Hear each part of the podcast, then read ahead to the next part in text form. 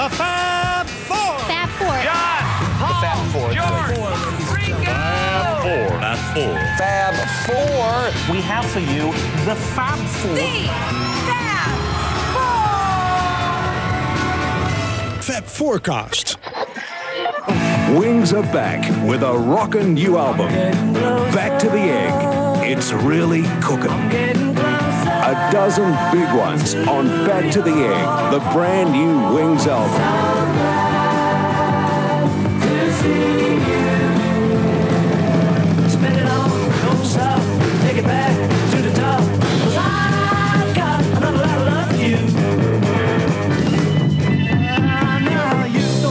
Wings Back to the Egg. A timeless rock and roll flight through 12 superbly produced new songs on an album that really is perfection.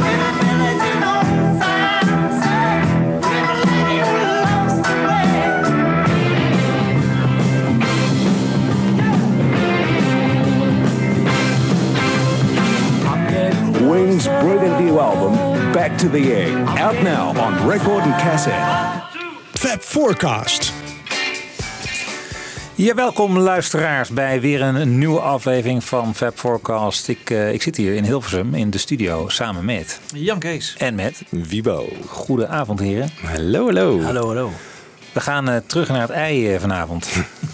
Leuk man. ja, Back to the beginning. back to the egg inderdaad. Ehm, ja, eigenlijk het einde van Wings eh, gaan we belichten in, eh, in twee shows.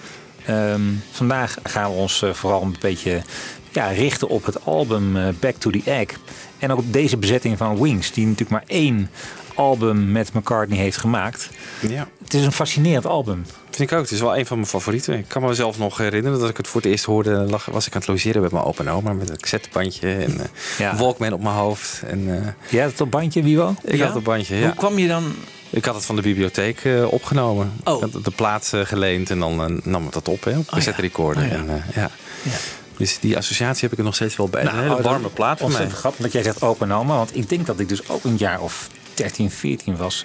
Ging ik bij mijn grootouders naar Antwerpen. Dan eens in dezelfde tijd. En dan ging ik naar Opus. Opus 1, dat bestaat niet meer. Maar dat was een platenzaak in Antwerpen. Ja. Ja. En daar heb ik mijn eh, exemplaar van de platen op de kop getikt. In Belgische frank. eh.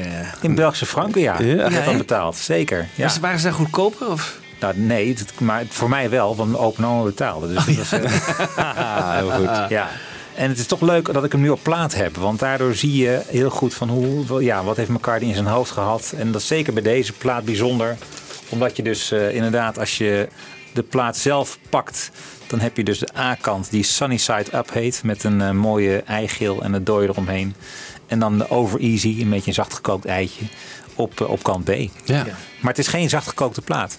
Zeker, Zeker niet. niet. Is over easy trouwens niet dat je aan beide kanten een eitje gewoon bakt? Ja, ik, ik eet geen ei, dus dat, eh, dat zou ik niet En weten. Sunny Side Up is als je aan één kant bakt, zodat Ja. de, de dooier Ja. nog er bovenop is. Van de sun. Ja, ja. Ja.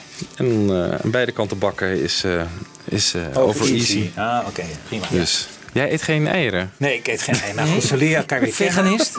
Nee, nee, ik hou gewoon echt niet van ei, maar wel van deze plaat. Dus, Oké. ja. nou, gelukkig maar. Ja. want deze plaat is eigenlijk een beetje een soort terugkeer naar, of terugkeer, dus een bewuste keuze, hè, de sound van deze plaat, om eh, wat meer rock te doen. Want de plaat die hiervoor was, dat was eh, London Town. Met eh, de single eh, daarvoor natuurlijk Mull of Kintyre. Dat is allemaal een beetje wat, ja, men noemt het wat gezapiger, wat rustiger, wat mellower. Ja. Een beetje George Harrison 1979 eh, vibe. ja. Maar dat was dus een bewuste keuze, want Paul heeft zich die kritiek wel aangetrokken. Dat, En- dat het te soft zou zijn, het album. Ja, ja, die kritiek die kreeg hij wel en heeft er wat mee gedaan. Want hij wilde meer een rockplaat maken. Ja, en je had het net over eh, het einde van Wings eigenlijk. De laatste plaat die Wings eh, maakt.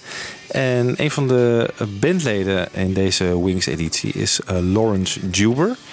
En die heeft er wel een, leuke quote over. Want hij noemt namelijk de Indian Summer van Wings. I look at the Back to the Egg era. The our era of Wings was like the Indian summer of the group. That in some respects, Wings was already kind of. Uh, I mean, certainly Linda was. I think having you know four kids, done the big world tour. I think Linda was kind of getting to the point where it was becoming a bit too much. but it, it got reinvigorated for the period that we, we were in it. Partially, I think that was because Paul had signed with Columbia Records, so new record label, you know, new direction, you know, a more rock direction musically. It was kind of Wings was was ready to wind down, but, but we kind of like picked it up again, you know, putting some fresh blood in there. And I think that that we captured a certain kind of a certain kind of quality in that album that is a little different from from the other Wing stuff. Ja, Lawrence Stewart dus over de Indian Summer van Wings. Nou, op zich belicht hij wel een eh, interessant punt. Dat Linda natuurlijk... Ja, ze hebben nu vier kinderen. En Linda is eigenlijk ook wel een beetje klaar mee. Met dat hele bandgedoe en dat toeren en weer een album maken. Zo, die wil zich eigenlijk gewoon richten op het, eh, op het gezinsleven. Ja.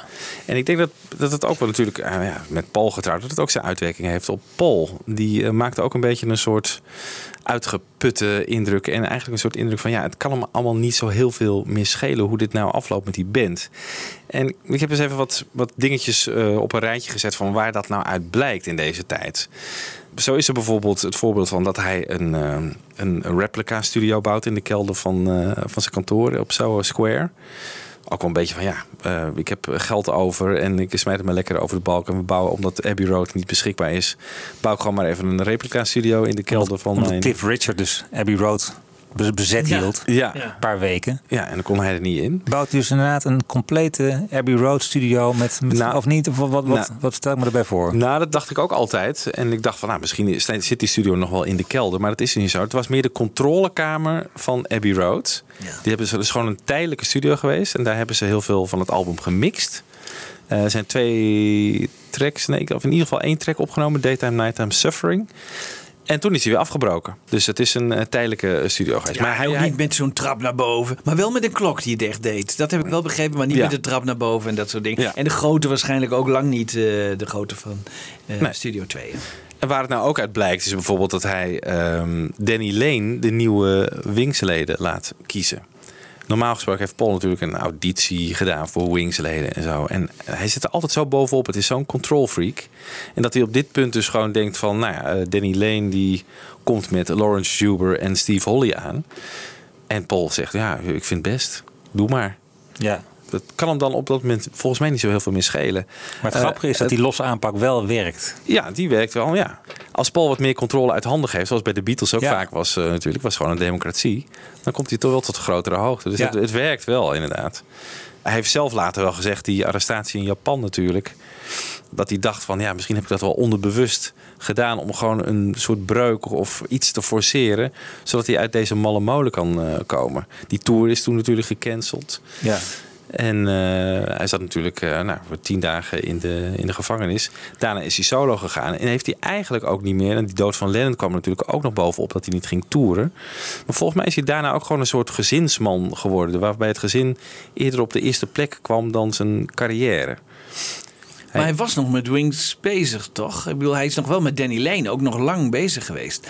Het is, dacht ik, dat George Martin heeft gezegd van... ik ga helemaal alleen met jou eh, verder. eh. Ja, Wings is. eh, ze hebben na die arrestatie hebben ze nog wel dingen in de studio opgenomen. Dat Hot Hits Cold Cuts project. Ja. Hebben ze nog proberen af te maken. Maar toen liep het al vrij snel. Daarna op zijn einde, geloof ik in april 81 of zo, was het klaar. En ja, was Paul dus eigenlijk van, van Wings af. Ehm, voor deze plaat heeft hij bijvoorbeeld ook veel oud materiaal gebruikt. De oude demo's die hij nog had liggen. Eh, ik noem bijvoorbeeld een Getting Closer. Dat stamt al uit 74. Rockestra is al een oude. En ja, het is eigenlijk wel een beetje van... eh I done it all, weet je wel. Hij heeft de wereld veroverd met eh, Wings Over America. Dat zo'n enorm succes was. Vier kinderen nu. Linda is er klaar mee. Ik denk dat Paul ook gewoon eigenlijk wel een beetje... de motivatie bij hem wat weg was. En wat dat betreft is het nog wel heel bijzonder dat er zo'n lekkere plaat uit eh, is gekomen. Maar, dat is voor de fans een lekkere plaat. Ik lees steeds wel eh, kritieken overal op internet en zo. Dat die dit allemaal toch wel een beetje een minder album vinden. Ja, toch Kom- zie je dat ook. Ja, nou, de diehard fan die heeft het album wel heel hoog zitten hoor. Ja. Over het algemeen. Ja, Maar in de rockpers is het, wel, is het beeld echt anders. ja. waar zou dat aan liggen? Ja, ik, ik, ik denk dus dat dat, eh, ja, hoe noem je dat? De, onbalans in het album als het gaat om, om rockers en En toch meer wat zoetsappig materiaal. En ik vind dat eigenlijk altijd een heel rare kritiek. eh, want over de White Album hoor je dat nooit iemand zeggen. Nee. Daar wordt het als een enorme pro gezien dat het zo gevarieerd is. Ja. En ik- volgens mij weten we al van McCartney vanaf dag één dat hij eh, die twee kanten in zich heeft. In ieder geval die enorme veelzijdigheid natuurlijk sowieso al. Maar in ieder geval een rockkant en ook een hele een makkelijke switch naar een hele softe kant. Ja. Dat horen we toch ook op, ehm nou, op het Speed of. Sound zit het ook. Op Ja. Op Venus en Mars zit dat. Het contrast is hier, is hier af en toe wel heel groot. Met, met, als je So Glad To See You hier laat volgen door Baby's Request, dan... Hmm, Oké, dan, kan je- dan moet je als luisteraar wel even schakelen. Maar ik kan dat wel. In ieder geval, ik heb dat probleem nooit met deze plaat. Eh, dat ik niet. het... eh, dat ik helemaal zit te stuiteren in mijn stoel van wow, wat, eh, wat, wat wordt er nu eh, mijn oor in geslingerd of zo. Nee, je hebt dat de broadcast natuurlijk. Dat is ook ja, een soort experimenteel nummer. Ja. is, net zoals Reception. Maar dat werkt als een werkt. Ja. Ja, ik, ik vind het toch een beetje apart. Want jij zegt net van het is inderdaad nog wel bijzonder dat deze plaat dan uitkomt. Maar het is ook wel, eh, hij moet ook wel een drive hebben gehad. Een, een, een wil om, er, om een, weer een heel sterk album neer te zetten. En zichzelf ook opnieuw te bewijzen van jongens, ik ben in deze punktijd. Want dat hebben we nog niet eens genoemd. Maar het is natuurlijk, punk loopt een beetje op zijn einde. Maar er zijn allerlei nieuwe stromingen. eh New Wave komt op. Ik ben nog een, een zeer relevante muzikant eh, in, in dit tijdperk. Dat was, moet, ook, moet hem ook wel gedreven hebben, zou ik denken. En je kan me niet afschrijven. Nee. Nee. Hoe heeft het album het eigenlijk gedaan?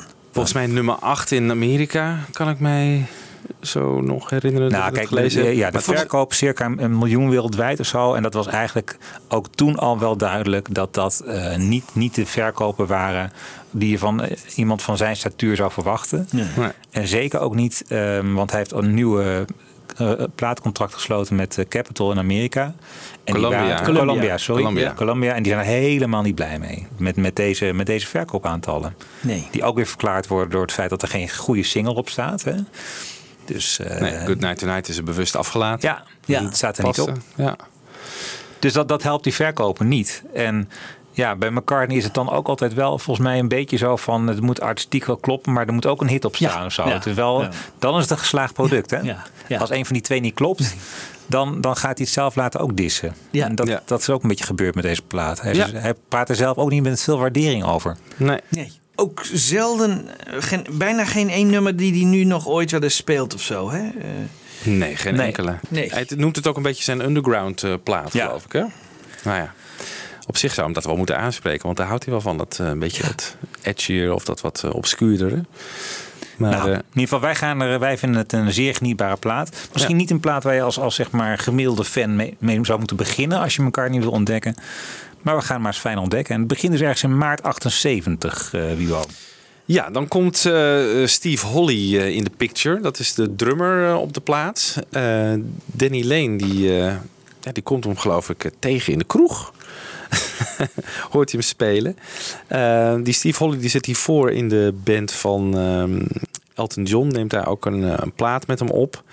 En ja, wordt dan op een gegeven moment, eh, omdat hij in hetzelfde dorp gaat wonen als ehm, Danny Lane.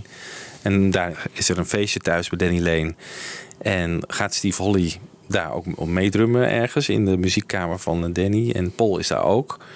En ja, dat valt op. Dat valt Danny Lane op van, jeetje, ik wist helemaal niet dat jij, zo goed kon drummen, joh. En toen is hij dus uitgenodigd om bij Wings te komen. Heeft hij nog even over getwijfeld. Want ja, hij zat natuurlijk ook bij Elton John. Uh, maar koos uiteindelijk, ja, dus onweerstaanbaar om gewoon voor, uh, voor McCartney uh, te kiezen. En als je de clip van With a Little Luck kent, natuurlijk de single van London Town, dan zie je Steve Holly al meedrummen. Dus dan zit hij er al bij, maart 78. Maar hij speelt er niet op, hè? Nee, hij speelt er niet op, klopt. En dan hebben we twee maanden later, in mei 1978, dan uh, doet Lawrence Juber voor het eerst mee. Lawrence Juber, dus de gitarist. En dat is op het nummer Same Time Next Year. Toevallig is dat uh, ook het laatste nummer waarop Lawrence Juber meespeelt voor Wings. Want dat pakken ze dus uh, in 81 pakken ze dat weer op om af te maken. En die is ook, zoals ik al zei, komt hij binnen via Danny Lane. Ze kennen elkaar omdat ze met elkaar in de David Essex show op tv hebben uh, gespeeld. Nou, even een klein stukje Same Time Next Year.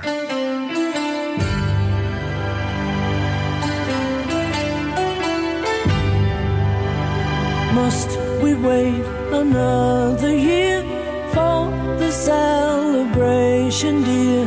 If we do, we'll hold it here. Same time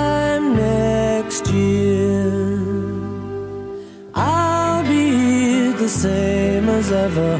Maybe wearing something else. Ah, but nothing changes. Ah, but nothing changes. Ja, same time next year. Dus de eerste sessie voor eh, Lawrence Juber. Ja, grappig, we horen ook een cymbalum op. Een eh, soort snaarinstrument waarbij je de snaren dus met een eh, soort ja, ijzeren stiks Ja. bespeelt. Is dat geen Hongaars instrument ja, of zo? precies. Ja. Dat hoor je zo aan het begin. Tidi, tidi, tidi. Ah, Dat is eh, een heel kenmerkend geluid. Ja. Ja, verder, dit is nou niet een nummer waarvan je zegt van, oh, dat is echt een prijsnummer voor Lawrence Juber. Maar daar gaan we zo meteen eh, gaan we nog genoeg eh, Lawrence Juber horen. Ehm, het is nog wel even leuk om te vermelden dat dit, eh, dit eigenlijk een nummer op verzoek was. Dat McCartney op verzoek schreef voor een film, hè, die Same, Same Time Next Year ook heette. Ja. Over een man en een vrouw die geloof ik een buitenechtelijke relatie hebben en dan elkaar één, één, één keer per jaar zien. Maar McCartney schreef dus eh, op verzoek dus dit, ja, wat mij betreft, ik vind het echt een schitterend nummer. Ehm, ik weet wie bouwde het, niet iedereen denkt daar hetzelfde over, maar... Hebben we het hier eerder over gehad? Ja, hebben we eerder over gehad. Ja, klopt. Ja. Oh, ik zeggen. Ja. Ehm, maar dit nummer gaf dus te veel van het plot van, het, van, die, van die film weg. Dus daarom is het niet eh, geaccepteerd. En is daarna een of andere, ja, nou ja, ik weet niet hoe die heet. Maar iemand anders heeft een nummer voor geschreven. En dat, dat klonk onwijs veel gelikter. En dat vond de regisseur wel goed. Nou, even daar nog een klein stukje van horen waar McCartney voor gepasseerd werd. Hello, I don't even know your name, but I'm hoping all the same. This is more than just a simple hello. Ja, oké. Ja. Ik, Nou ja, dit- ik hoor het wel. Ik hoor Ja. het ook. Ja, ja. Toch leuk dat je Ja. het even hebt laten horen. Johnny Mathis. Ja. The last time I felt like this. Ja. Ja. God. God zou het er ook aan elkaar niet kunnen vragen. te- Past die tekst een beetje aan Ja, of zo? ja. Dus meteen van, nee, sorry. we- we- Ja. Nou, en daar heeft McCartney er nog best veel aan gezien te werken. Dus we, we hebben, die, we hebben een vrij vroege take van Wings van het nummer. En in 81 wordt het nog een keer bewerkt. En volgens mij voor die There single uit 1990 is het ook nog een keer met een orkest eh, bewerkt. En eh, wel de vocalen van uit zijn Wings tijd zijn daar gebruikt. Maar eh, ja, ontzettend mooi, ontzettend mooi nummer. Ja. Volgens Michiel. Oké, ja, prima. Nee, maar dat is ook zo. ja, ik vind het wat te zoetsappig, maar goed. Ja? eh, ja, veel te Meningen, zoetsappig. dat mag. Dat Ja, mag. mag. Ja. Oké, we hadden het over ehm, Lawrence Juber. Want die is toch wel iemand die heel belangrijk is en ook bepalend voor, voor de sound op dit album. Ja, wat heeft hij gedaan? Hij is, het is nog een broekie. Hij is 25 jaar als hij eh, bij dit album in Wings terechtkomt. Ontzettend veel interviews gehouden. Van alle Wings-leden is hij denk ik wel iemand die het meest heeft verteld over zijn werk met McCartney. Dus dat maakt hem altijd een zeer geliefde gast in allerlei radioshows. Maar het is echt, kijk, Jimmy McAuliffe was natuurlijk ook iemand met, die hield ook wel van, van een stevig eh, rocknummer natuurlijk. Maar Lawrence Juber is ook echt een virtuoos. Dat merk je echt aan alles. Het is echt iemand die de, de gitaar echt volledig in de vinger heeft. Lawrence Juber bepaalt in heel veel nummers, vind ik gewoon de sound van.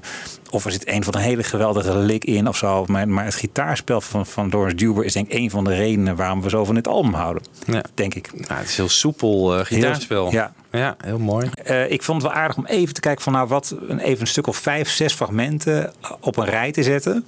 Van momenten in nummers die, ja, waar, waarin Lawrence Juber zeg maar de, de show stilt, om het zo maar even te zeggen. En eh, nou ja, laten we even naar luisteren van dus allemaal fragmenten rond deze periode, dus van deze plaat, maar ook een stukje Good Night Tonight. En ehm, eerst even nu wat hoogtepuntjes van eh, Lawrence Juber.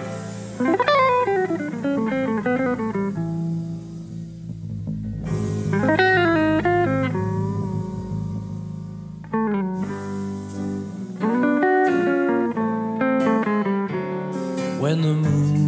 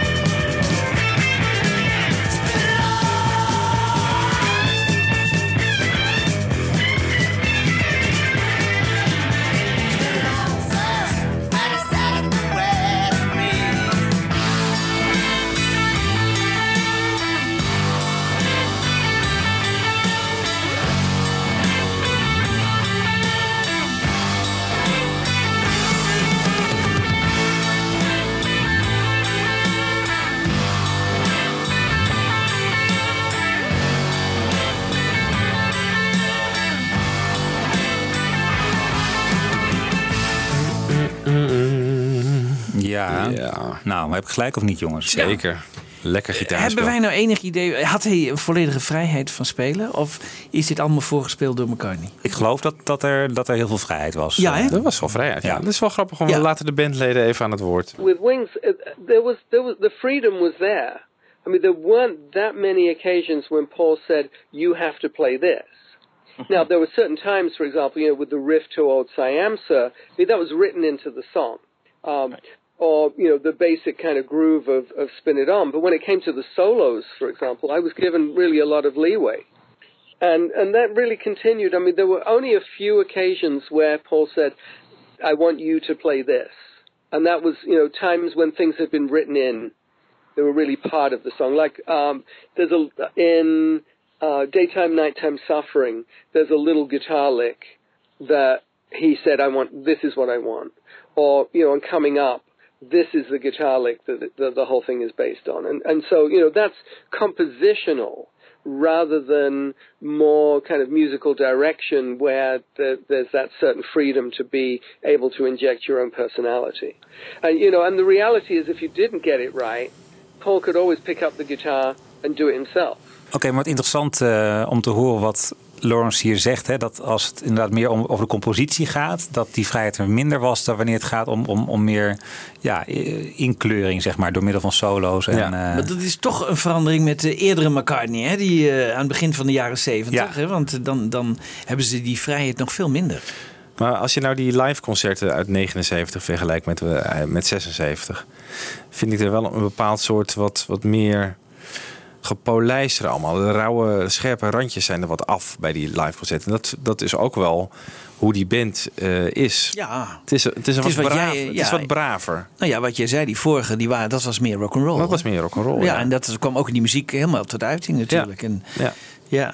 Ja, ik vind niet of ik het braver zou willen noemen. Want ehm Spin It On en zo, dat spelen ze ook live. Eh, dat, is, dat is niet braaf, toch? Dat is, dat is gewoon Nou, ja, enorm vind- scheuren. ja, maar toch. Nou, dat v- nee, toch- vind ik niet echt hoor. Dat, als, Nee. als hij dat, het is geen punk als hij dat wil. Nee, nee, nee. nee. Het is, het is Ja. softe punk. ja. Heel erg, ja, de scherpe randjes zijn er wel wat van af. ja, die zijn er vanaf. Ja, vind ik wel. Ja. Als, als de, Goed de, gespeeld hoor, allemaal heel... Ja, ja. als de opstelling eh, Joe English, Jimmy McCulloch Spin It On had gespeeld, had het wel echt anders geklonken. ja. ja. Ja. Nee, dat geloof ik misschien ook wel. Ja. Ja. Ja. Zeker. Maar goed, eh, voor heel veel nummers zoals Daytime, Nighttime, Suffering, daar is deze band perfect voor. Zo'n Ja. nummer dat dat bij Joe English en eh, Jimmy McCulloch al heel anders klonken. Niet zo mooi, denk ik. Het schijnt ook dat die Heather McCartney wel, eh, die is dan op dat moment een jaar of 15, 16. Ja. Zij was ook punkliefhebber. Hè? Dus Ja. zij, zij schijnt ook eh, ja, gewoon met die Van invloed te zijn met geweest. de pistols onder haar arm te komen, Oh, ja. binnenkomen. En dan, Ja. eh, dan, dan hoort McCartney dat. En die, eh, Ja. Die denkt van hé, dat wat. eh, Ja, hij wil nog graag London, mee. London Town 2, dat gaat niet werken in ieder geval. eh. Nee. Nee, Nee. hij wil nog graag. Ja, maar grappig dat je die pistols noemt, want de producer daarvan is natuurlijk Chris Thomas. Die de eh, producer van deze plaat eh, zal worden. Ja, En we kennen hem uit. uit de Beatle tijd. Ja. Hè? Want wanneer zat hij erbij, Kees? Het was... Piggies en zo, dacht ik. eh, Ah ja, hij speelt natuurlijk ja, dit, ja, eh, ja. klaversymbol. Wat Ja, is het? klaar. Van Piggies. Ja, ja, ja. Ja. Toen George Martin op vakantie ging, mocht, mocht hij het overnemen. ja. Ja. Dus eh, zij kennen elkaar en hij eh, doet ook eh, de Pretenders heeft hij geproduceerd. Zal later nog met McCartney werken op Run Devil Run. Dus als McCartney een iets rauwere plaat wil, volgens mij, dan is Chris Thomas de, Chris Thomas de eerste de- in zijn ja. telefoonboekje. Ja. ja. Oké. Maar ik vind het ook nogal wat dat hij de Pistols... Ik bedoel, die hebben in 77 Nevermind the Bollocks gemaakt. Dat Ja. is gewoon de punkplaat. Chris Tom zit er achter de knoppen. En uitgerekend hem haalt hij van stal. Ik bedoel, McCartney heeft wel, hij heeft wel echt plannen. Hè? Ja. Hij weet toch, ik bedoel, het is niet, eh, niet, niet niemand die die binnenhaalt. eh. Nee, nee, nee. Maar ik heb ook altijd idee, hij wil ook mee, meedoen. Hè, met, Ja, ja, ja. ik bedoel, dat is, eh, Ja. terwijl het hem nooit echt heel erg lukt. Maar hij wil wel graag dan ook Ja, een beetje... Precies. En dan een paar jaar later is die Hugh Patcham. Dan Ja, heeft die dan ja, met ja, Phil Collins. Ja, en, zo. precies. en dan, ja, eh, ja, dan krijg je dat. Ja. Ja. Flavor of the Month. Wat Ja. is eigenlijk ook weer met die Ja. Greg Kirsten. eh, Ja, is- exact. Weer hetzelfde. Hè. Het is echt... Dat, Ja, dat zat er toen nooit. Dus ook het- trouwens wel opvallend. We hadden het in die George Harrison show over dat eh, Harrison met Russ Titelman eh, ging werken. En toen vroeg Michiel van, was dat nou de eerste producer? Nou, dat was dan Phil Spector was er nog daarvoor. Maar McCartney heeft volgens mij solo nooit met een producer gewerkt. Tot aan dit album. Alleen Live and Let Die. Ja, en hij heeft het even geprobeerd. Hè, met, Met Glyn eh, Johns. ja, met Glyn Johns. Dat liep niet goed Dat af. liep niet goed af in Retro Speedway. Maar voor de rest heeft hij alles zelf geproduceerd. Dat is waar. Ja. Ja. Maar Ja. niet altijd. Misschien, ik bedoel, ja, bij London Town vinden we het geluid wat mat. En wat ik, bedoel, ik vind het een heerlijke plaat. Hè, maar misschien dat daar, als daar een producer achter de knoppen zit, dat er wel wat andere beslissingen worden genomen. Ook qua selectie van materiaal en zo. Ja. en, Ja. eh, Ja. Hier merk je wel, oké, hier heeft iemand eh, wel eh, een bepaalde lijn uitgezet ook. Ja. Ja. maar er gebeurt in de popmuziek natuurlijk ook wel heel wat anders op dat moment. Hè? Gewoon, er komt punk en het echte oude establishment dat vanaf begin jaren 60 eh, populair is geweest. Dat brokkelt toch af. Die pistols die gaan nou echt tegen dat, eh, die oude rock establishment eh, in. Ja. En Paul wil toch, ja, Paul is Paul, die wil gewoon relevant blijven. Ja. En denkt van, hoe kan ik dat gaan doen? En dan gaat hij iemand aantrekken zoals Chris Thomas. Gewoon een externe producer die hem kan helpen om relevant te blijven. Ja. En dat zal hij daarna... Ja, pakt hij George Martin. Dat is natuurlijk dan niet een hele hippe keus of zo op dat moment. Maar dat is denk ik een veilige keus na de, Ja. de dood van John. En Ja. Alhoewel die dat... Maar dan neemt hij weer heel veel eh, internationale artiesten, hè, eh, Ja. muzici neemt hij eh, op de plaats. Hè, en die, die nodigt hij allemaal ja, uit in Montserrat. precies, om relevant te worden. Dan pakt Ja, hij op dat ja, moment eh, ja, op doet die hij dat op die manier... ja, ja. Doet hij dat op die manier. Ja, want eigenlijk is dat wel een terugkerend iets sinds Back to the Egg met die producers. Ja. Ja, grappig. Nou ja, goed, Chris Thomas dus. Eh, Lawrence Huber heeft even een kort eh, eh, verhaaltje over Chris Thomas. Chris Thomas had been brought in to co-produce the record. He had done the Sex Pistols. He would would after Back to the Egg would do the 1st Pretenders album. So he brought not only a rock producer sensibility to the to the project, but um, he also brought you know, I mean, he'd worked on a lot of concept albums too. And so even though Back to the Egg wasn't a concept album, there was a feeling of, conceptuality about it. Um, in the way that, you know, using the We're Open Tonight to kind of set things up and, and then bringing back the, um, the tag of so glad to see you here going along with the We're Open Tonight at the end. It just kind of, you know, adds a little extra kind of substance to the to the flow of the record. Um, but I think that Chris had a lot to do with with keeping the rock edge in there. And and Linda was always really good at kind of keeping things on the rock side too. I think Linda did have a production impact. I think that Linda would would help direct Paul. At least that was my perception of it. Ze hadden het net even over dat eh, Back to the Egg als eh, conceptplaat. Ja. Hoe zien jullie eh, dat? Ja. Vind je dat? Ik geloof zelfs dat het zo wel begonnen is. Hè? Dat, hij ook, eh, dat, dat, je, dat je dus als een radio eh, aanzet en, dat, dat, het dan, eh, en, en dat hij dat ook door wilde zetten. Maar dat hij er later weer niet heeft doorgezet. Maar dat het wel het idee was om, om iets te doen waardoor je hè, er, erin gezogen werd. En, en dat het nog regelmatig terug zou komen. Ja. Maar dat is... Ja, wat er volgens mij ook verteld wordt, is dat inderdaad, het begint dan met Reception, die radio, dan een lekker Getting Close, wat natuurlijk ultieme opener is. Hè. Eh, en dan We're Open Tonight, wat een beetje doet denken aan Venus en Mars-achtig, gewoon heel rustig akoestisch nummer. En dan inderdaad, wat Lawrence Hubert net ook zegt in dat fragment, dat ehm, die radio broadcast komt bijvoorbeeld ook weer terug in, is dat in, Re- In ja, Reception. in Reception, ja. Dus, Ja. En dat sluit er ook weer het album mee af, zo'n beetje. Dus dat is, maar het wordt gewoon losgelaten, want ze merken gewoon van ja, een conceptalbum gaat gewoon niet werken hier. eh. Maar het gekke vind ik dan wel, die coda van We're Open Tonight na So Glad to See You Here, is Ja. een van de laatste dingen die wordt opgenomen. Dus dan zou je zeggen van tot op het laatst Hebben ze het toch een soort, soort Ja. conceptidee. ja. Ja, maar Ja. het is gewoon niet, door, niet, niet uitgewerkt. Het is niet doorgezet. Nee. Maar het is wel, heeft wel in hun achterhoofd gespeeld. Net als Maar met Sgt. Pepper Ja, eigenlijk. en met Band on the Run, hè? Dus eh Ja. Band on the Run Oh, ja. zit aan, aan het Ja. eind van 1985 Ja. Zit het ook. ja, je hebt gelijk. Dus- ja. Nooit Ja. helemaal echt doorgezet, maar een beetje. Is dat dan beetje. misschien een beetje proberen om met vorm eh, wat dingen te compenseren of zo? Vorm boven inhoud eh, te zetten? Dat je denkt van nou, als je het als conceptalbum verkoopt of presenteert, dat het dan eh, wat interessanter wordt gevonden. Wel wat serieuzer wordt genomen Ja. of zo. Ja. Ja. Ja. Zoiets. Het is wel wat pretentieuzer natuurlijk. Ja. Ja. Ehm, eh, We nou, zijn nog niet eens begonnen met opnemen. Hè? Dus Wiebo, vertel jij eens even. Hoe gaat het? Waar, waar, wanneer nemen we op deze plaat en waar? Nou, wanneer? Het begint eh, op 29 juni eh, 1978. Heb ik dat goed? Ja, 1978. Eh is in Schotland bij, eh, bij Paul thuis. Wordt er een eh, mobiele studio wordt er naar binnen gereden. Spirit of Rennigan. Spirit of Rennigan Studios. Heel goed. Heel goed. Daar worden dus wat tracks opgenomen. Dan hebben ze in de zomer... ehm oh, trouwens, tussendoor wordt er nog in één dag een soort Rupert the Bear soundtrack opgenomen. Oh ja. Met dezelfde line-up. Helemaal andere nummers. Allemaal in één dag. Die laten we in deze aflevering even buiten beschouwing eh, trouwens. Dan is het vakantie. Want de kids eh, moeten natuurlijk gaan, ze gaan met de kids op vakantie. Dus na de zomer, vanaf 11 eh, september 78, gaan ze naar Lim Castle in Kent. Dus gewoon zo'n oud kasteel. En daar wordt diezelfde mobiele studio weer naartoe gereden. Dan in oktober en december, tot december wordt er in Abbey Road opgenomen.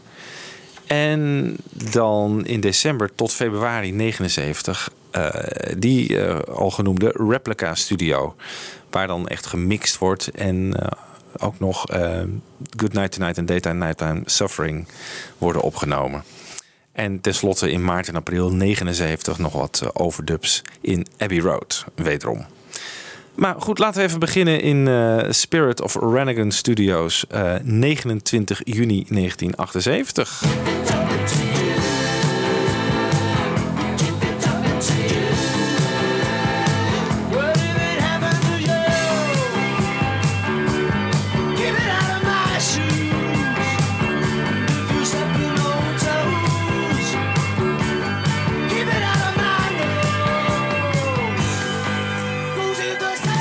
Het allereerste nummer dat wordt opgenomen, To You.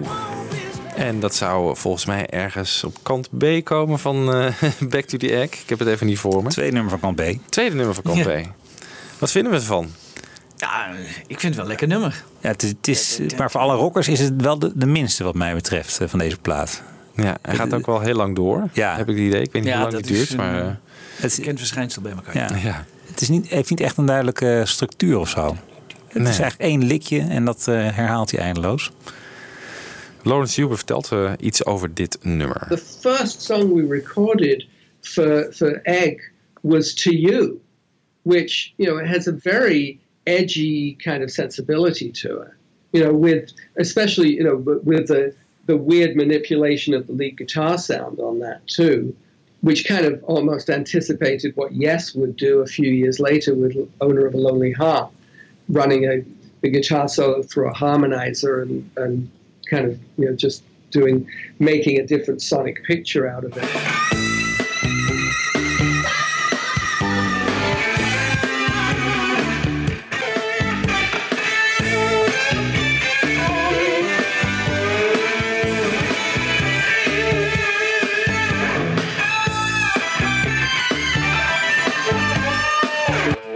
Was certainly that kind of experimentation going on.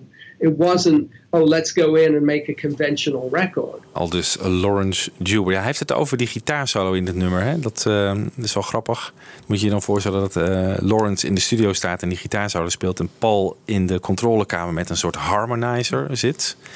Ik weet niet precies wat een harmonizer is, maar dat is volgens mij iets. Die kan de toonhoogte wat Precies. veranderen. Hè? Precies op de goede... Ja. Ja. En dan krijg je dus eh, deze solo.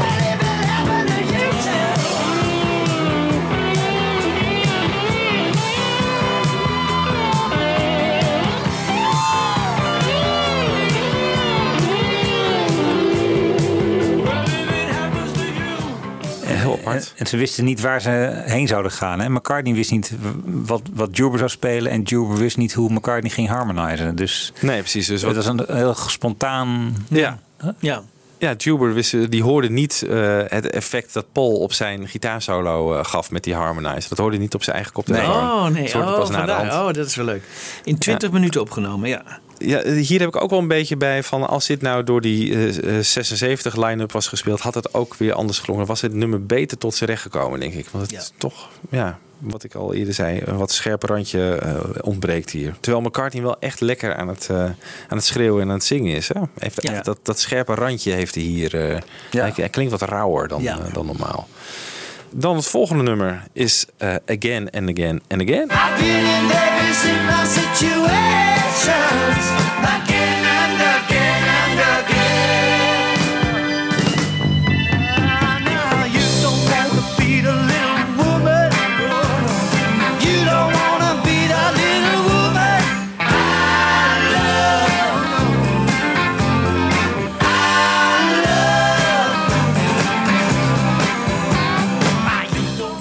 Danny Lane. Zijn enige nummer op deze plaat, waarbij hij de lead vocals eh, voor zijn rekening neemt. Oorspronkelijk bestaat het uit eh, twee liedjes, hè? Ehm, Little Woman en Again and Again and Again. En op Pauls eh, suggestie worden die twee samengevoegd tot één nummer. Ja. Ja, En- zoals Uncle Albert. Uncle Albert Ja. ook. Ja, Ja. Baby You're a Rich Man ook. Ja, ja, zo zijn er vele voorbeelden. I've got a feeling. Je hoort het niet, Ja, ja, je hoort het niet echt. Dat je denkt van, god, Nee. dit zijn, hier is echt een duidelijke knip of zo in Nee. dit nummer. eh. Nee. Nee. En hier hoor je ook goed hoe Paul, eh, hoe goed hij is als eh, de backing vocalist, als tweede stem. Dat, hij kleurt zo eens- enorm mooi, hè, zoals hij met John ook deed. Ja, dat is zijn specialiteit, hè? Ja. Ja, heel mooi. En Spirit of Ancient Egypt bijvoorbeeld ook. Ja. eh, op van Venus en Mars. Dat is ook zo mooi. Ja. Ja. Dus als Paul zich gewoon ook... Hij is niet alleen als soloartiest heel erg goed, maar ook als, eh, als tweede man in Ja. een nummer.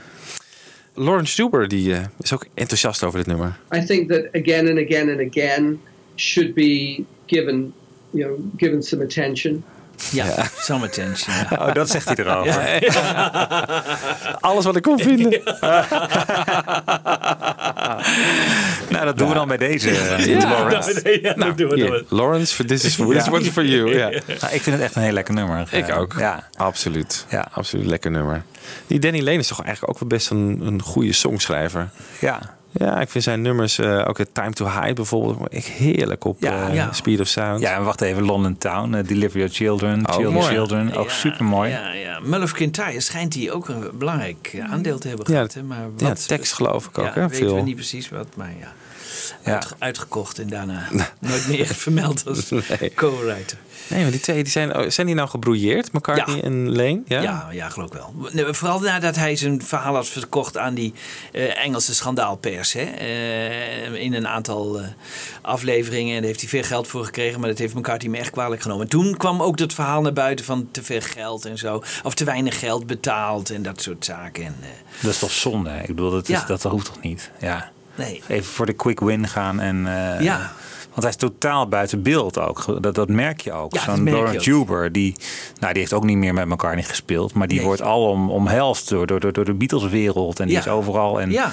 en Danny Lane, ja, wat, wat, eh, Nee, wat doet hij die- nog? Niks meer, hè? Niks meer. Die, die, die wordt ook niet meer gevraagd eh, na afloop van concert of zo. Of eh, helemaal geen contact meer. Ik Nee. heb nog Nee. recentelijk nog wel, of recentelijk, maar een paar jaar geleden een Ja. foto van hem en McCartney eh, die backstage is gekomen. Maar- Ja, maar ik geloof dat het allemaal niet van harte is, hoor. McCartney is wel... Kan hard, hè? Kan, ja, ja, ja, Ja. ja, ja. Mensen die, die hem één keer wat hebben aangedaan, dat neemt hij toch wel zijn hele leven kwalijk. Hun hele leven kwalijk. En het gaat niet snel meer... eh, Nee, behalve als je John eh, Lennon heet. ja, ja. John Lennon is natuurlijk een apart geval. Ja, dat is een apart geval. Ja. Nou goed, eh, wat ik heb nog, eh, nog kunnen vinden op eh, de bootlegs. Want er zijn echt veel bootlegs van Back to the Egg.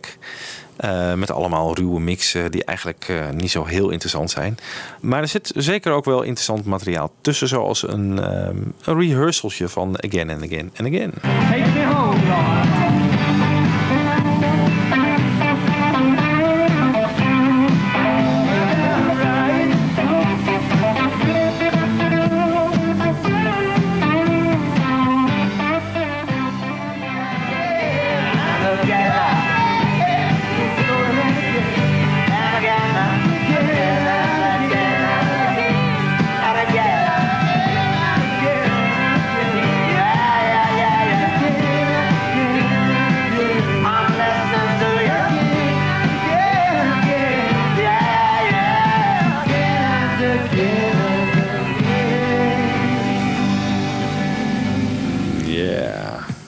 Die er even doorheen loopt eh, te blaren. Heerlijk. We zitten nog steeds in die eh, Spirit of Renegade Studios in Schotland bij eh, Paul thuis. Niet te verwarren met Root Studios. Hè. Dat is ook een studio die hij in Schotland heeft. Maar is meer een soort privé, echt klein Demo-studiootje. De- Demo-studiootje, dat is het woord. Ehm, volgende nummer dat ze daar opnemen is Arrow Through Me.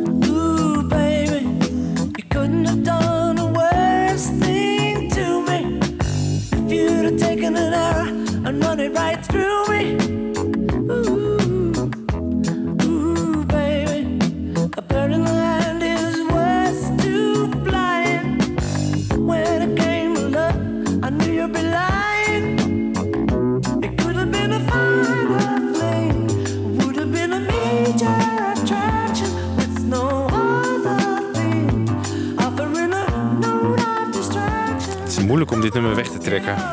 ja, doe het toch? Ik vind het een fantastisch nummer. Ah, ja, het is echt, het, echt, echt fantastisch. Ja. Ja. Het neemt ook volstrekt unieke plaats in, in het hele oeuvre van McCartney. Hè? Het Ja. echt, dus hij heeft niks gemaakt wat als dit klinkt. Nee. Nee, dat is waar. En ik vind het zo knap hoe die, ja, hoe die dit uit zijn mouw schudt. Ja. Want het is gewoon, eh, ja, men zegt wel dat het een soort ode is aan Stevie Wonder. Of in ieder geval geïnspireerd is door Stevie Wonder. Weet ik niet, maar de melodielijnen die die, die zoekt, die, die, die zeer weinig voor de hand liggende Ja. lijnen die, die in dit nummer zitten. It could have been a finer thing. Dat is Ja. allemaal. Ja. En ja, het is, ik weet niet hoe, hoe dat harmonisch allemaal moet uitleggen, maar het is Ja, heel, dat raakt heel je complex. gewoon. Ja. maar het raakt je ook. Ja. De manier waarop je het zingt. Ja. Oeh, baby. Dat is echt van, ja, oeh, het komt even... Ja, heel melodieus. Mooi aparte manier van begeleiden. Hè? Ja. Ja. Bij- bijna elektronisch. Een beetje een voorbode van eh McCartney 2 lijkt het wel Ja. een beetje. Ja. Heel mooi. Ja. Er zijn maar twee muzikanten die we op dit nummer horen. Ja. Dus McCartney en die Steve Holly. ja. Eh, je hoort het ook wel als je heel, naar het heel kritisch luistert. De bas is, het is geen echte bassound. Hè? Het is echt een bassound die van een eh, toets van Fender, een Fender Rhodes komt. Oh Eh, ja, ja, ja. En die, die Oh. geeft dat, dat hele diepe geluid aan het nummer. Maar dat, Oh ja. dat is dus geen echte bas. Nee. En het, gewoon die, die, die twee gasten zijn het. En ja, volgens mij zie je wel wat in. Want er zijn, er zijn van Back to the Egg vrij veel eh, clipjes eh, bestaan er. Ja. Je ziet wel meer muzikanten. Volgens mij zitten Linda en Lawrence ook gewoon in de clip. Maar we horen dus eigenlijk maar twee mensen. Steve en Paul. Ja, Hey, je had het net over eh, Stevie Wonder. Is dat eh, nummer eh, Ja. Boogie on Reggae Woman? ja ik wou gewoon even een, een stukje laten horen van, van de, de synth sound van Stevie Wonder in de jaren 70. Dat die er toch wel een beetje wat van weg heeft.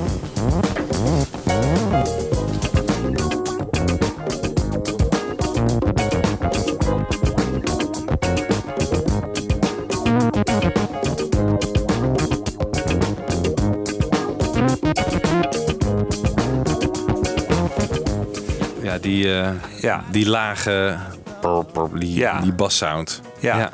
Ja, dat is een enorme invloed op Paul, hè? ook eh, Stevie Wonder. Ja. Ja, zeker. En waarom die er juist nu voor kiest om daar terug te grijpen. Want het is toch wat atypisch op dit album, denk ik ook. Met Storm helemaal niet hoor. Al die, al die stijlverschillen. Maar Nee. Nee.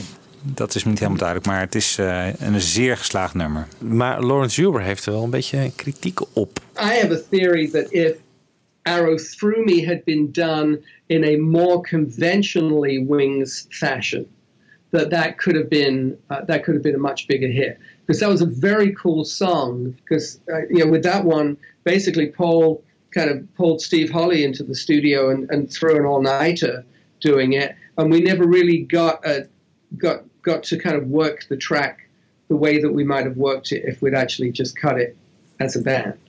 And I think that that uh, that's my one regret on Back to the Egg is that that particular track didn't get done um, in in a more commercial way. Um, but it, nonetheless, I mean, it's very cool, and and you know, like um, I know Erica Badu um, took the uh, the intro, took the intro and looped it and wrote a whole new song over the top of it. You know, there's a coolness factor about it, and in some respects, it's kind of a generation ahead of its time. Ja, heeft het even over eh Erica Badu. Laten we die meteen maar even tegenaan gooien.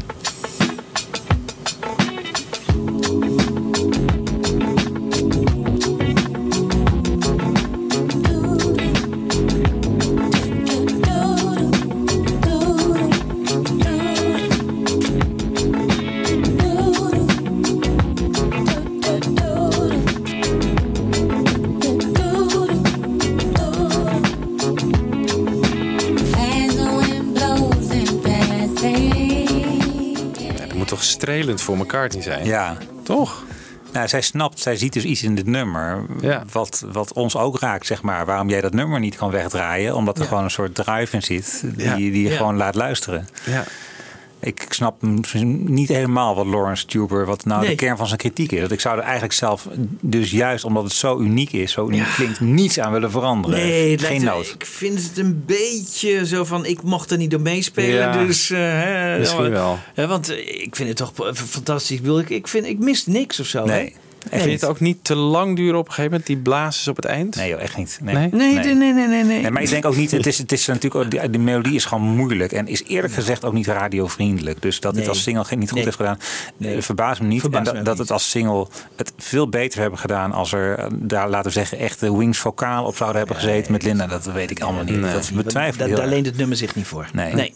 Nee. nee. Ik vind die elektronische benadering ook gewoon wel, wel Goed, cool. En ja, Ja. past er heel erg bij. Ja, we zijn het niet eens met de heer Juber. Nou, jammer eh, Lawrence. Ja. Maar leuk om te horen, Erica Badu. Ja. Ik, dat vind ik dus ook zo. Ja. We gaan zo meteen nog een kleine ehm, sample van weer een andere eh, muzikant horen. En Die ik ook vind- geïnspireerd is ook geïnspireerd door, deze. Ja, door en hoe komen die in vredesnaam uit bij dit album? Dat vraag ik me echt af hoe loopt zoiets. eh Betalen ze dan nog voor? Hoe is dat eigenlijk? Ja, daar, nou, Eh, ze moeten in ieder geval toestemming hebben, zou ik Ja. denken. En ik denk ook wel dat ze iets van zullen Ja. betalen. Ja. Dat denk ik wel, ja. ja, want ze nemen het bijna rechtstreeks over ook, hè, toch? Of niet? Ja, dat is gewoon een sample. Ja. ja dus Ja. daar moet je voor betalen. Ja. Ja. Ja. En dan mag je er doen mee wat je wil. Of, eh, Nou, kijk, wij betalen niks. Wij, wij mogen ermee doen wat we willen. Dat, doen we dus ook bij Dat hebben deze. we met Paul afgesproken, ja. En moeten we nog even die demo laten draaien? Oh ja, natuurlijk. Ja. Nou, een stukje van de demo. Want het is wel grappig. Eh, we hebben het heel vaak hebben over McCartney en zijn. eh, eh, dat hij al dingen in zijn hoofd heeft. Dat hij al solo's in zijn hoofd hoort. En die door bijvoorbeeld in de Beatle-tijd door George Martin laat uitschrijven. Ik weet niet wie het eh, in deze fase doet. Maar die solo van die trompetten. Dat heeft hij ook al helemaal in zijn hoofd zitten. Ehm, ik draai eerst even het origineel. Dan hoor je hoe die blazerspartijen gaan. En daarna een stukje uit een ruwe mix. Een eerdere mix waarin die eh, blazers eh, nog gedaan moet worden. En let dan even goed op wat Paul doet.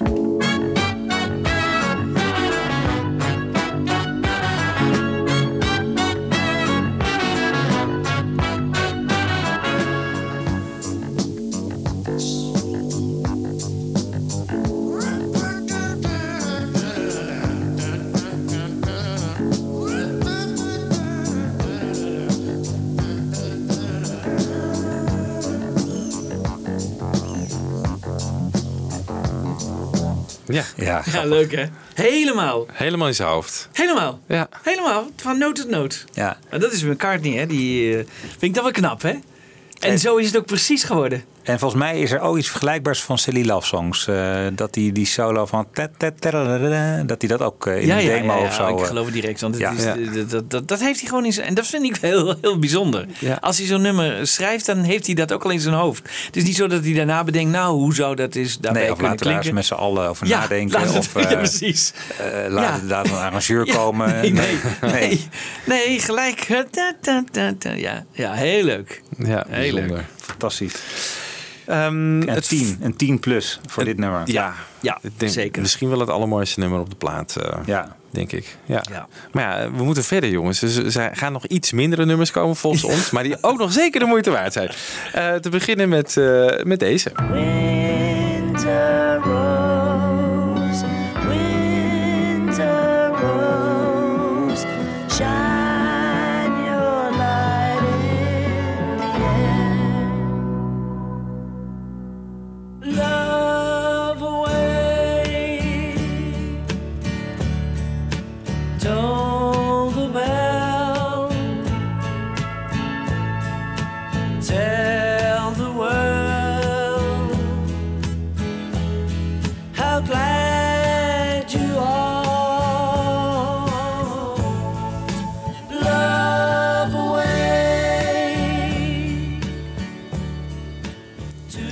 Ja. Ja. Winter Rose slash Love Awake. Weer twee nummers, hè? Twee nummers die eh, op zichzelf eh, niet volwaardig gezongen waren volgens Paul. Dus hij heeft ze gewoon, gewoon gecombineerd. En ze passen, En ze passen schitterend bij Ja. elkaar. Vind- Het is een beetje apart om het, zeg maar, dit eruit te halen. Want het is natuurlijk onderdeel bijna van een soort mini-medley op kant B. Hè? Ja, hierna komt er nog eh Ja, After the Ball. ja, hiervoor eigenlijk op Oh, de hiervoor, plaat. ja. Ja. Maar het, Ja. het is hetzelfde idee. En hele korte fragmentjes eh, van nummers die bij elkaar passen. Ook en, weer eh, dat misschien in dat concept-idee past dat natuurlijk wel. Van eh, hè, wat later met die mini-suite op Memory Almost Full ook is. Ja. En Abbey Road. Ja, kan ik vind Winter Rose, ik vind de stemming gewoon heel bijzonder. En ja, heel het is erg, wel eerie een beetje. Ja. Ja. Ja, en, en het past ook wel bij de, de naam van het nummer of zo. Van, van- Winter Rose. Ja, van dit melodietje een beetje. ja. ja dit is toch schitterend.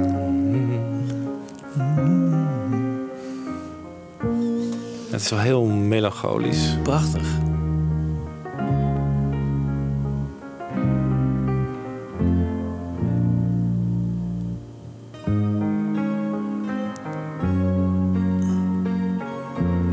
Het kan ook op zichzelf staan. Ja. Ja. Ja. Ja.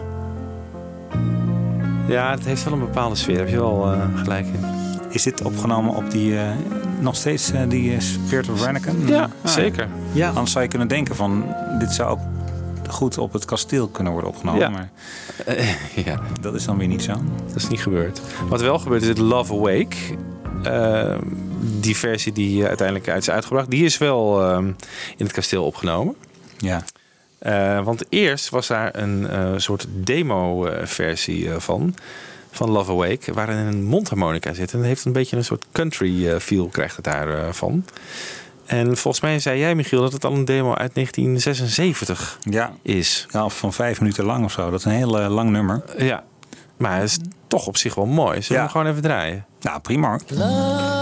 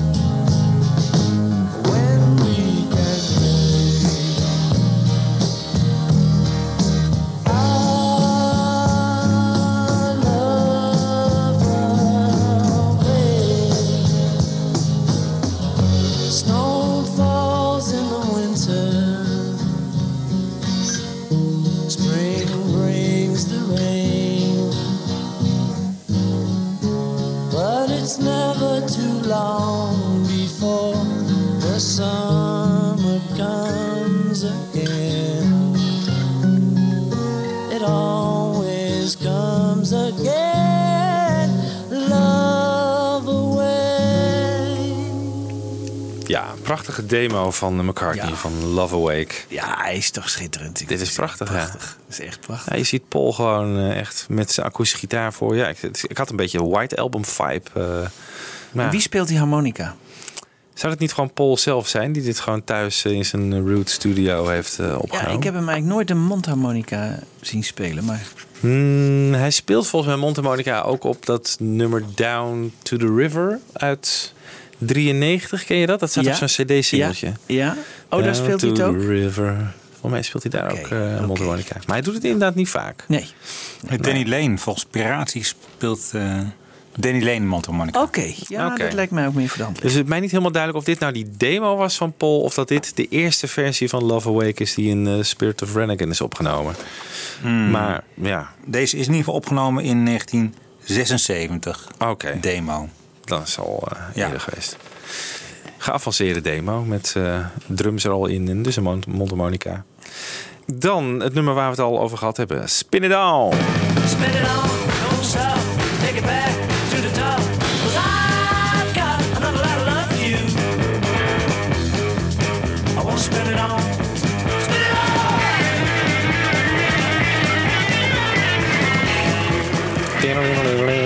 Ja, geïnspireerd door de punk en new wave eh, rage die... eh, of eigenlijk is het al een beetje geweest, hè, punk, eh, zeiden Ja. we net, in 79. Maar new wave kwam er zeker, zeker aan in die tijd. Eh, Lawrence even over Spin It On. What I remember, for example, is doing the solo work on Spin It On and sitting, you know, sitting in the control room with him and just, you know, eyeball, you know, just eye to eye making it happen. That was, I think, pretty potent. Pretty potent. Hmm, ik weet niet wat er daar gebeurd is in de Heel controlekamer. potent. maar blijkbaar is die solo in de controlekamer eh, opge- opgenomen. Hé hey jongens, het beeld krijgen we nu niet meer weg. Eh, in ieder geval, eh, ja, die, die songtest. Ik heb me altijd afgevraagd van wat wordt daar in godesnaam gezongen? Op een gegeven moment. Ik heb het nooit meegezongen, dat is echt genoeg. Hè? Dus, eh, Nee, ik heb het geprobeerd. Maar dat is ook nergens. Ook in, in Back to the Egg heeft geen lyric sheet. Hoe noem je dat? Waar de songteksten op staan. En het is wel grappig. Ik kwam in de voorbereiding eh, van deze podcast. hè, daar tipte Michiel me op. Dat er in Amerika een podcast bestaat. Die heet Take It Away. Trouwens wel een aanrader. eh, nadat je de ons hebt geluisterd. Ehm, om een keertje te beluisteren. Want elke album van McCartney wordt daarin eh, behandeld. Echt op een leuke manier. En die gaan op een gegeven moment, die tekst hebben ze dan op gehoor dan opgeschreven. Van wat wordt daar nou eigenlijk gezongen? Nou, luister even mee.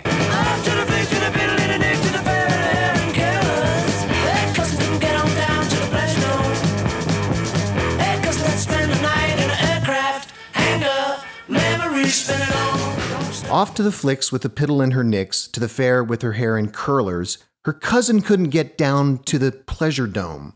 Her cousin had to spend the night in an aircraft hangar. Memories.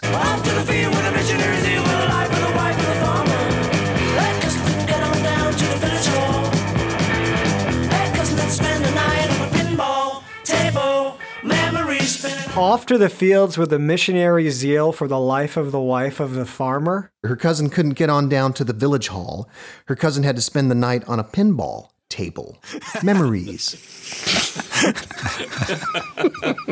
Erg origineel, eh, leuk gedaan. Geweldig. Geweldig. The cousin had to spend the night on a pinball table. ja, het is echt totale onzin Ja. dat daar wordt gezongen. Ja. Maar goed. We hadden het net even tijdens eten over die twee eh, dichters, weet je wel. Die alle Beatles teksten hebben vertaald. Maar Ja. die zouden dit ook weer Ja, een dit keer... zou interessant Off to the flicks with the piddle in her nicks. To her hair with her hair in curlers. Ik ben zeer benieuwd. Ja, hoe ze dat We- Weet je, we nodigen ze uit en als voorwaarde ze mogen komen als ze deze tekst vertalen. Dan gaan ze hier presenteren. En dan moet iemand ook iemand vinden om het te spelen. Nou, leuk. Dan nodigen we Ja. Jorik eh, erbij Ja. uit. Dan gaat hij dat gewoon eh, zingen. Ja. nou fantastisch. We hebben weer een idee, jongens. Leuk Eh, idee. Ja. Geweldig. Nou, fantastisch. Maar wat een, wat een lekker nummer dit. Toch? Ja, ik vind het heerlijk. Echt, wat een vaart. En wat een, wat een hoeks zit er ook in. Ja, en het is gewoon, die tekst is dan wel compleet eh, klinkklare onzin. Maar het past wel gewoon in het ritme. Hè? En, en de klanken van de woorden passen gewoon echt perfect. En hier zit dus ook het, het aircraft hangar, hè, verwij- verwijst McCartney naar. Ja. En die clip hiervan, die kennen we ook. Hè. Daar, daar zie je ze ook in een, Ja. eh, een luchtvaarthangar. Ja, van een, ja. een hangar. vliegveldhangar. Ja.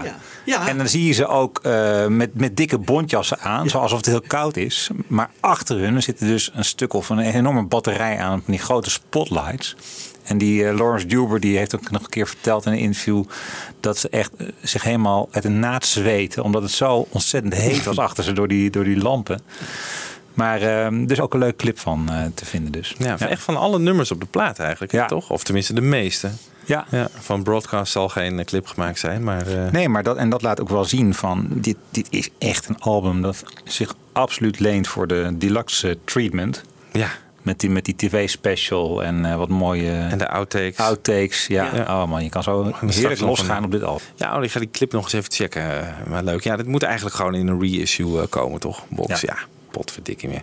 Ehm, de, de inspiratie voor het nummer, zou dat niet uit dit nummer zijn geweest?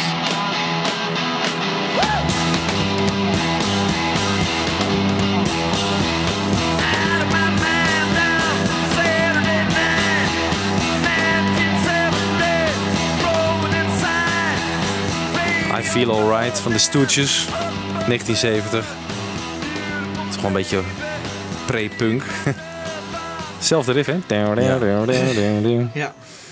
Ja, who knows. Ik weet niet of Paul naar de Stooges luistert. Ik denk het eigenlijk niet. Maar, Ik ook Ehm, niet. ik denk het ook niet. Ehm, Old Siam, sir.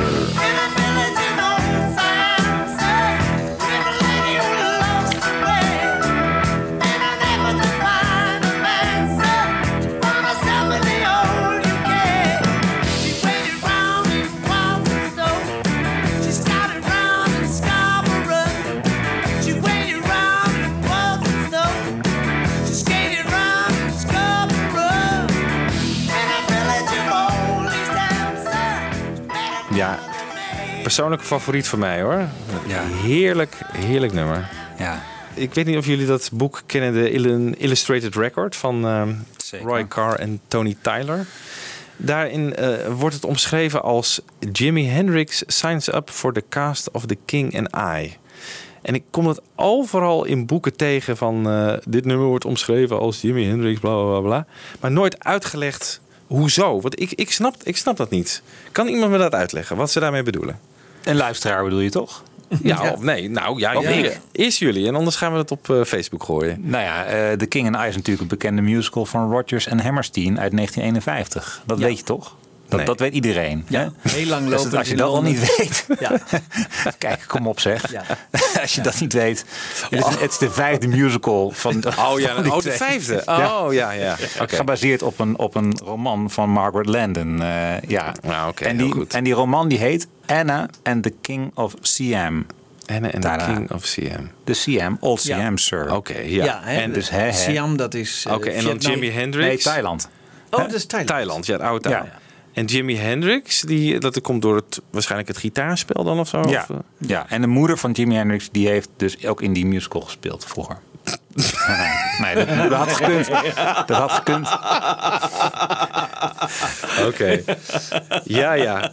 Wat een moeilijke Nee, maar, dat, nee, maar dat, eh, dat, dat boek, joh, dat is echt dat wordt dus zo over het paard getild en zo overschat. Ja. Dat vind je niet? Ik bedoel, de, een bepaalde generatie, generatie Beatles-fan die loopt er helemaal mee weg, maar, ik heb het is nooit dat dan- begrepen. Ik is dat het dan- ook. Ja, dus Ja. niet te serieus nemen. Nee. Maar goed, wat bedoelen ze? Is het positief bedoeld? Is het negatief bedoeld? Jimi Hendrix signs up for the cast of The King and I. Nee, ik, ik denk dat we het toch op Facebook moeten gaan gooien, Wibo. Ja, hè? Ja. Ja. Je moet het niet. eh, Ik, ik zou het eerder vinden passen bij de broadcast of zo. Van iets, iets uit het verleden wat ze, wat ze op die plaat terughalen. Maar dat, eh, ik, ik, ik hoor vooral een heel lekker eh, rocknummer. Ja, ik ook. Persoonlijk. Ja. Ik hoor Ja. vooral veel Jimi Hendrix. Nou ja, goed. Eh, als een luisteraar weet eh, eh, wat dit betekent, deze quote, dan hoor ik dat in ieder geval graag. Ja. Terug even naar het nummer. Die eh, riff hè, eh, in het middengedeelte van... rap. Oh, dat is fantastisch, man. Wat een Ja. moment. Wat een moment. Ik bedoel, het nummer opent zich. Ja, het opent zich allemaal. Ja, dat klopt wel inderdaad. Oké. Die riff is dus bedacht door Steve, Steve Holly. Steve Holly, hè? Ja. Ja. Die kreeg er nog met eh, Danny Lane ruzie over, want ze waren dat aan het jammen, die, eh, die riff. En Danny zei van, oh, dat is een lekkere riff. En daarna kwam Paul binnen en toen heeft Danny dus eigenlijk gedaan alsof die riff door hem bedacht was. Dus die heeft daar credit voor eh, gekregen. En Steve Holly die schijnt dus echt bijna hem een klap op zijn bek verkocht te hebben van, Oh. dat is mijn riff, dat heb ik bedacht. Ja, Paul zegt iedereen heeft, iedereen heeft eraan meegewerkt. Hè. Linda contributed the oriental sounding lick to the song. Ja. Dat komt uit een oude demo, eh, Super Big Heatwave. Oh ja, natuurlijk. Ja. Dat is deze. Ja, nu.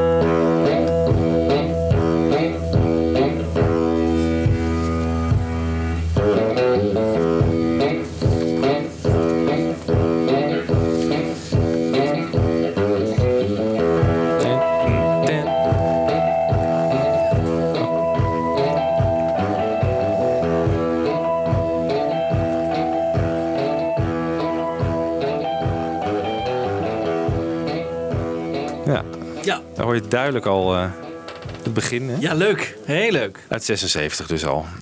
Paul over Old Siam, sir. It's all about somebody, a lady from old Siam, who comes over to Britain to find somebody. And funnily enough, she meets a film director. And he takes her home to meet his mam. And then, oh, I don't know, it goes on forever. You know, you just have to get the words and read them.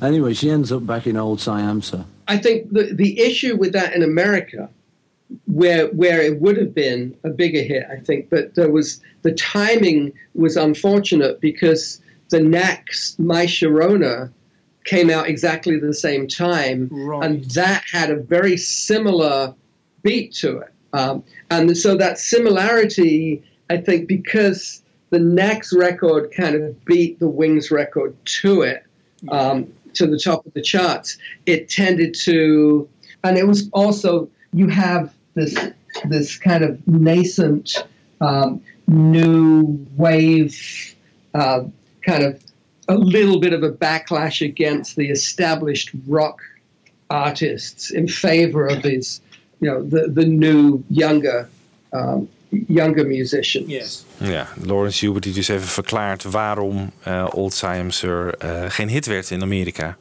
Dat dus tegelijkertijd werd uitgebracht met eh The Neck, My Sharona. Ja. En eh, dat inderdaad wel een soortgelijke toen, toen, toen, toen, dat heeft. Hè? Oh ja. En hij had het ook over de backlash tegen de rock establishment. Dat het dus eigenlijk niet meer hip was om oude rockartiesten dat, dat die hits eh, scoorden. Dat dat eh, gewoon veel moeilijker werd in die tijd. Maar ja, desondanks dat, heerlijk, heerlijk nummer. Opvallend is wel, dat hoorde ik eerst en las ik daarna, dat Steve Holly eh, zijn drums opnieuw eh, heeft opgenomen in het nummer. Toen het nummer eigenlijk dus al helemaal klaar was, heeft hij dat eh, opnieuw ingespeeld. En dat is goed te horen in, vooral aan het begin in de coupletten, waarin hij dus eigenlijk op een soort halftime drum van boom in a village notes I am sir. En in de vroegere versie was dat gewoon sneller. In, in a village notes I am Mm. Oh meer ja. snelheid Ja. in. Oh ja.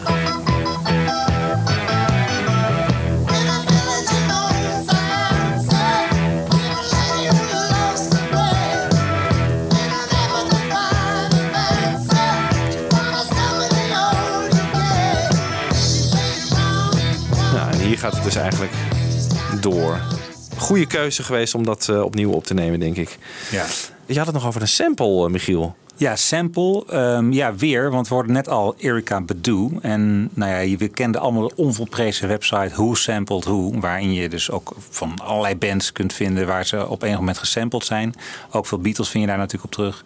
Maar ook best veel Wings. En dat vind ik ook wel weer frappant. Eh, als je gaat kijken op wie, eh welke, welke andere nummers van Back to the Egg zijn gesampled. Dan kom je onder meer uit bij een eh, grote hit. Het nummer Music met M-U-Z-I-K van ene Nocturnal.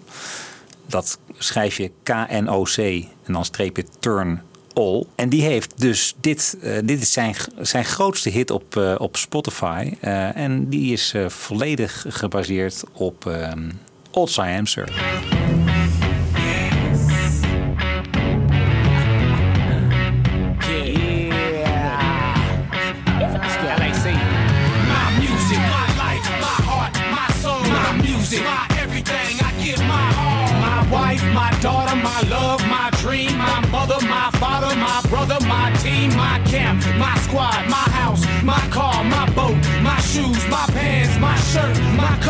sugar, my cream, my butter, my toast, my all, my queen, my folks. Walk like six streets, talk like she's my everything. Dat is een beetje een rapper af en toe, hè? Ja. Je houdt daarvan, of niet? Ik vind het wel heel lekker, ja. Ja, ik kan niet graag naar luisteren. Maar ik vind het gewoon ontzettend grappig hoe zo'n man, zo'n jonge rapper, geboren op 12 mei 1980, dit, dit dan ontdekt. Hoe komt dat op zo'n man zijn pad? Vraag ik me dan Ja. altijd af. Ik vind het zo wonderlijk. We zeggen, allemaal, we zeggen altijd van, dit is echt voor de diehard Beatle-fan en zo. En er moet toch ergens daar iemand zijn die, die hier wat in hoort. Die hoort wat hier de goede hoek aan is. En dat je die kan gebruiken voor, voor, als basis voor, voor zoveel muziekstroming eigenlijk. Ja. Zou hij nou een hele rij Wings-platen in zijn kast hebben staan? Ik kan het bijna niet geloven. maar eh, je, moet, je, moet wel, je moet het wel weten te vinden. Nou, dat vind ik gewoon frappant. Ja. Mm, Ja. Interessant. Ja. En nog even over de tekst. ehm, dat hij daar de, de, plaat, de, de, de plaatsnamen Walthamstow en Scarborough noemt. Oh ja. hè. En ik dacht van, nou, even kijken van waar zou McCartney dat van kennen. En het blijkt inderdaad dat de Beatles er hebben gespeeld. Op 24 mei 1963 en op 24 oktober 1964 in Walthamstow. Maar dat wist jij natuurlijk al, Jan Kees. Eh, en in Scarborough op 11 december 1963 en op 7 augustus 1964. Kijk. Dus nou, kijk, interessant hè. Komt niet helemaal uit de lucht vallen, deze plaatsnamen. Waar ligt dat ongeveer in Engeland? Of, eh, vraag Nou, Walthamstow, dat ligt net buiten ehm, Londen. Londen. En Scarborough ligt meer aan de kust, aan de oostkust van eh, Engeland. Nou, bijzonder. Interessant, heel bijzonder. Ja. Heel interessant. Wat ook bijzonder is trouwens, is eh, dat er een instrumentaal nummer wordt opgenomen tijdens de sessies in Spirit of Rennigan Studios, waar we nog steeds zijn. Dat is een instrumentaal nummer geschreven door Lawrence Juber en het heet Macy. En daar willen we eigenlijk eh, deze aflevering eh, mee afsluiten. Want in de volgende aflevering gaan we dan door naar Lim Castle in Kent. Waar dus eh, ja, eigenlijk het tweede deel van eh, Back to the Egg wordt opgenomen.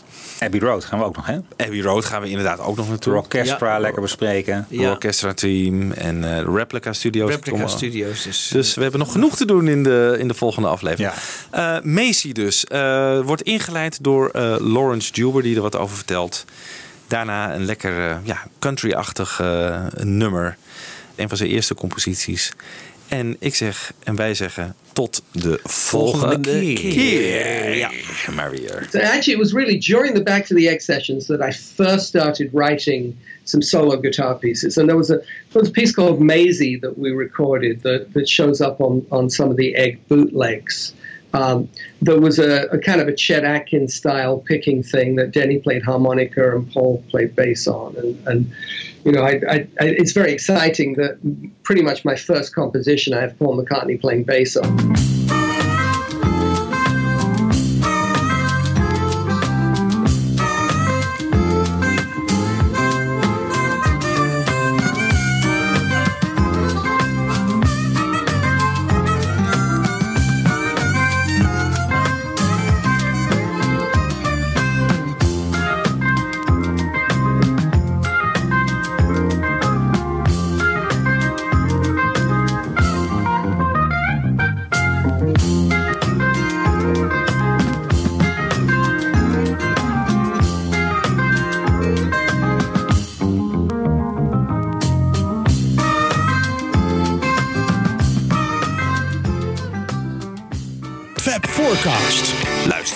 Fab Forecast via beatlesfanclub.nl.